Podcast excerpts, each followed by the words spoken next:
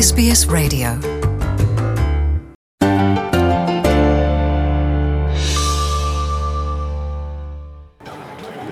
Bienvenue à la SBS. Merci beaucoup Bertrand.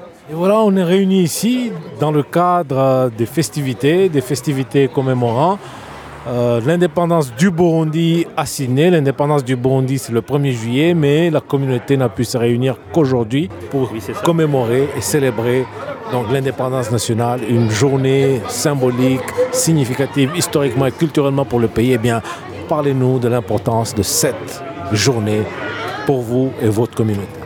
Euh, merci beaucoup Bertrand. Comme euh, vous venez de le dire, euh, la célébration de l'indépendance du Burundi par la communauté burundaise de Sydney, ça a une signification très symbolique pour nous.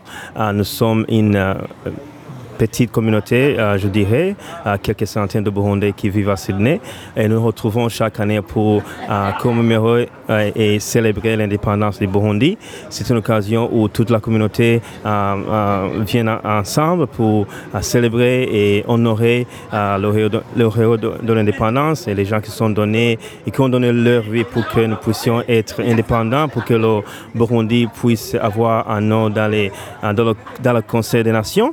C'est c'est une occasion très symbolique et nous nous réjouissons à toutes les fois que nous avons cette occasion. Et c'est pourquoi, comme vous l'avez vu, il y a beaucoup de gens, il y a des jeunes, euh, euh, il y a des enfants, il y a, toute la communauté est ici pour célébrer euh, cette grande occasion. Justement, c'est surprenant parce que la communauté burundaise, on n'entend pas beaucoup de cette communauté, mais réunis ici, on trouve quand même des centaines de personnes et dans une ambiance euh, de joie, une ambiance de fête, euh, une ambiance typiquement africaine, aussi burundaise. Euh, comment est-ce que vous avez réussi à mettre tout ça ensemble?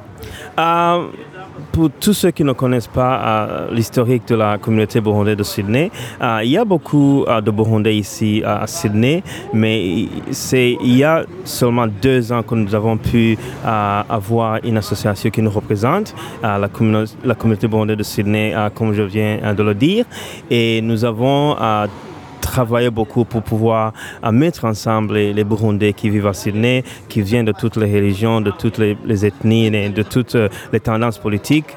Et c'est un grand, euh, c'est quelque chose que nous, sommes très fiers que nous avons réussi à faire.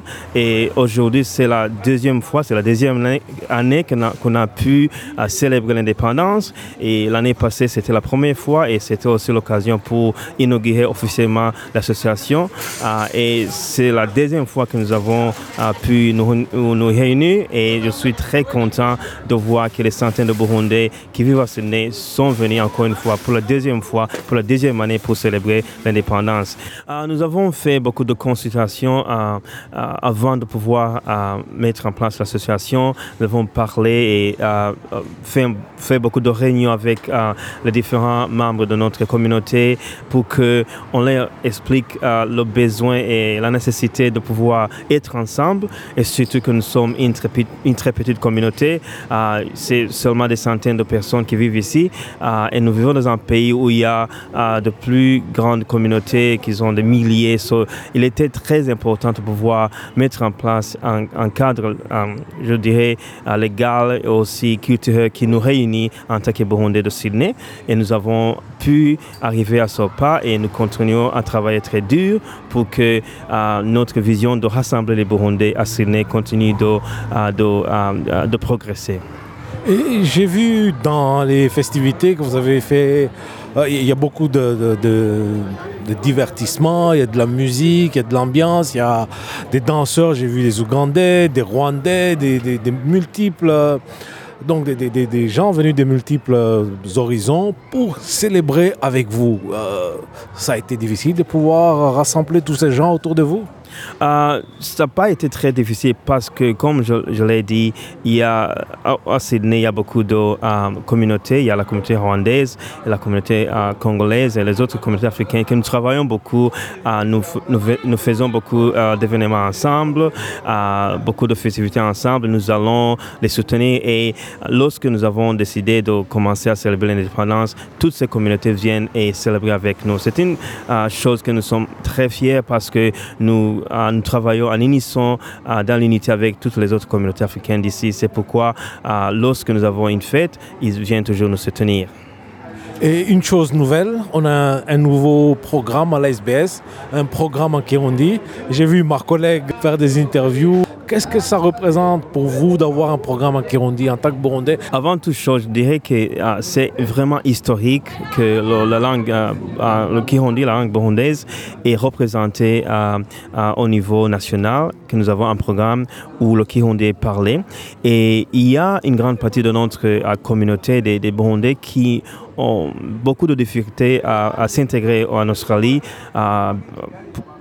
Parce que euh, la langue anglaise, c'est pas facile pour eux euh, d'aller à l'école et beaucoup d'entre eux sont analphabètes. C'est pouvoir avoir une langue, entendre les, informations et en Kirundi, c'est très important pour, important pour eux et pour notre communauté.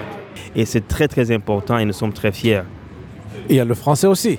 Oui, bien entendu, le français, mais si nous comparons le nombre de Burundais qui ne peuvent pas entendre le français, c'est vraiment très important que la langue kirundi est aussi représentée. Mais nous sommes aussi très fiers qu'il y a le, français qui est en, qui est en train d'être parlé à l'SPS. Le Burundi est francophone toujours. Oui, oui, c'est ça. Le Burundi est francophone et nous sommes fiers d'être francophones. Et nous remercions aussi la radio SPS parce que dans toutes nos festivités, la radio SPS a été présente, même avant que le programme Kirundi euh, euh, commence. merci beaucoup, M. Bertrand, d'être toujours venu nous soutenir et aussi à Godet, euh, qui vient de la SPS Swahili, qui est toujours présent et qui nous représente par de notre communauté dans la radio SPS. Merci beaucoup. Vous écoutez le français sur Radio SPS.